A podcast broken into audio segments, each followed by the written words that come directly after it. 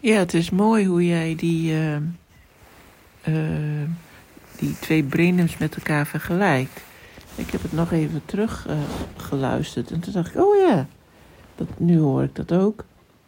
En ehm, ja, dat is, dat is interessant. Hè? Ja, ik, ik dacht van met dat observeren, dat, die observerende rol en uh, niet, in, uh, niet in wegzakken, zeg maar.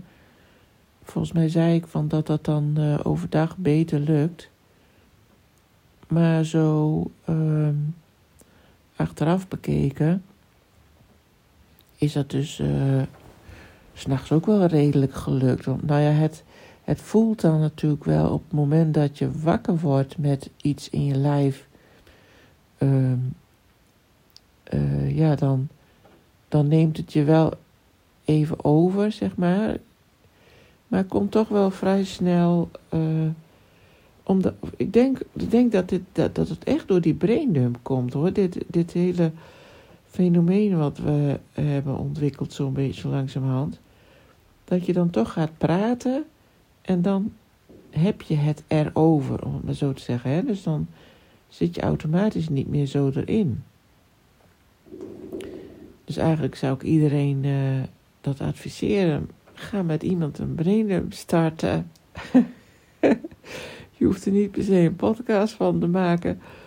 Maar ga gewoon, zoek iemand uit waarmee je lekker kan, uh, ja, kan, kan praten.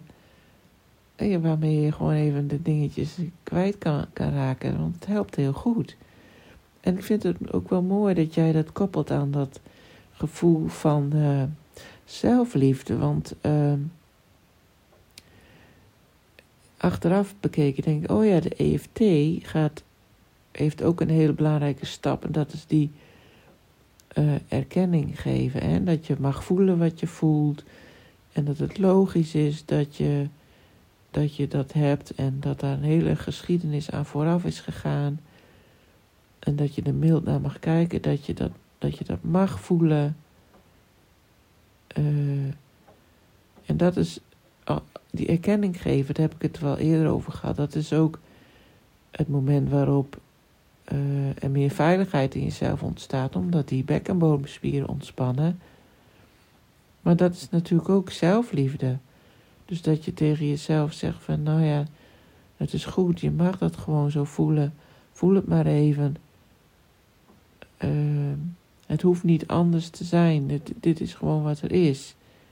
Dan ben je heel lief voor jezelf. Maar dat woord had ik er nog niet zo aangekoppeld. En, soms kan bij mij dat zo werken dat een woord echt weer iets opent. Het maakt het weer uh, zachter of zo. Ja, zachter denk ik. Ja, het is heel mooi. En uh, ook dacht ik nog even terug aan uh, dat je als hulpverlener dingen hebt meegemaakt. En ja, ik kan me toch ook wel heel veel situaties herinneren dat uh, cliënten tegen mij zeiden: uh, Ik voel mij anders bij jou, ik voel me meer op mijn gemak, ik voel me veiliger. Ik durf tegen jou dingen te zeggen die ik tegen anderen niet durf. Um, zonder dat die persoon ook maar iets van mij wist. Dus al je ervaringen bepalen ook je aura, bepalen de energie die je uitstraalt naar andere mensen. En die kunnen dat weer opvangen in hun energie en dat doet dan iets ja, het, zo is het ook. Ja, ze noemen dat natuurlijk een klik. Zoals, en dus je moet met een hulpverlener ook een soort klik hebben, zeg maar. Ja, wat is die klik dan? Nou ja, ik denk dat het dus inderdaad iets energetisch is. Iets wat je voelt bij die ander, wat dan goed bij jou past, of wat veilig voelt. Ja. Dus alles wat, wat ik in mij meedraag aan ervaringen, ook al zijn ze nog niet altijd verwerkt, toch uh, heeft dat invloed. Ja, en je zegt ook nog iets over um, hoe je het aanpakt, zeg je. Van mooi hoe je dit aanpakt. En dan, toen dacht ik, ja kijk, ik heb altijd iets met woorden, hè. Dat, dat uh, ja, daar kan ik soms even op blijven hangen, zeg maar. Toen dacht heb ik het dan aangepakt? Uh, ik heb geen idee dat ik iets heb aangepakt, maar toen dacht ik, oh ja, het, het gaat eigenlijk al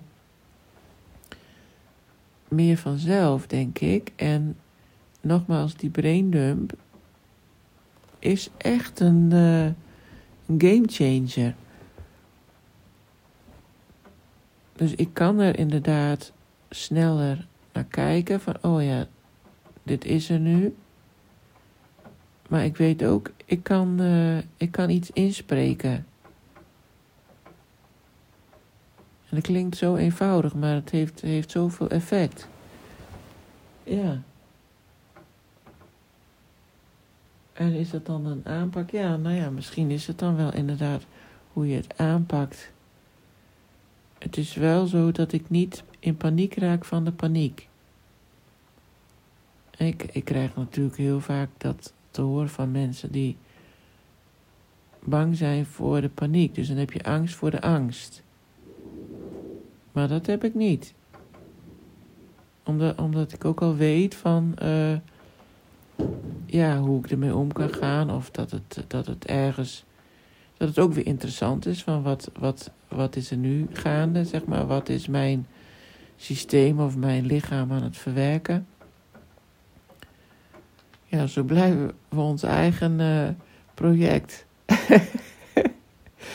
je kan eigenlijk gewoon op de bank blijven zitten en dat leven dient zich vanzelf aan. nou ja, maar goed, uh, het was heel grappig uh, hoe je dat omschreef in die parkeergarage. met die mieren, met die, met die boodschappenkarretjes. Ja, soms als je de mensen bekijkt, dan is het zo, uh, zo uh, absurd of zo, uh, ja, hoe noem je dat, bijna science fiction-achtig. Ja. Maar goed, um, nou, dit was hem wel weer, geloof ik.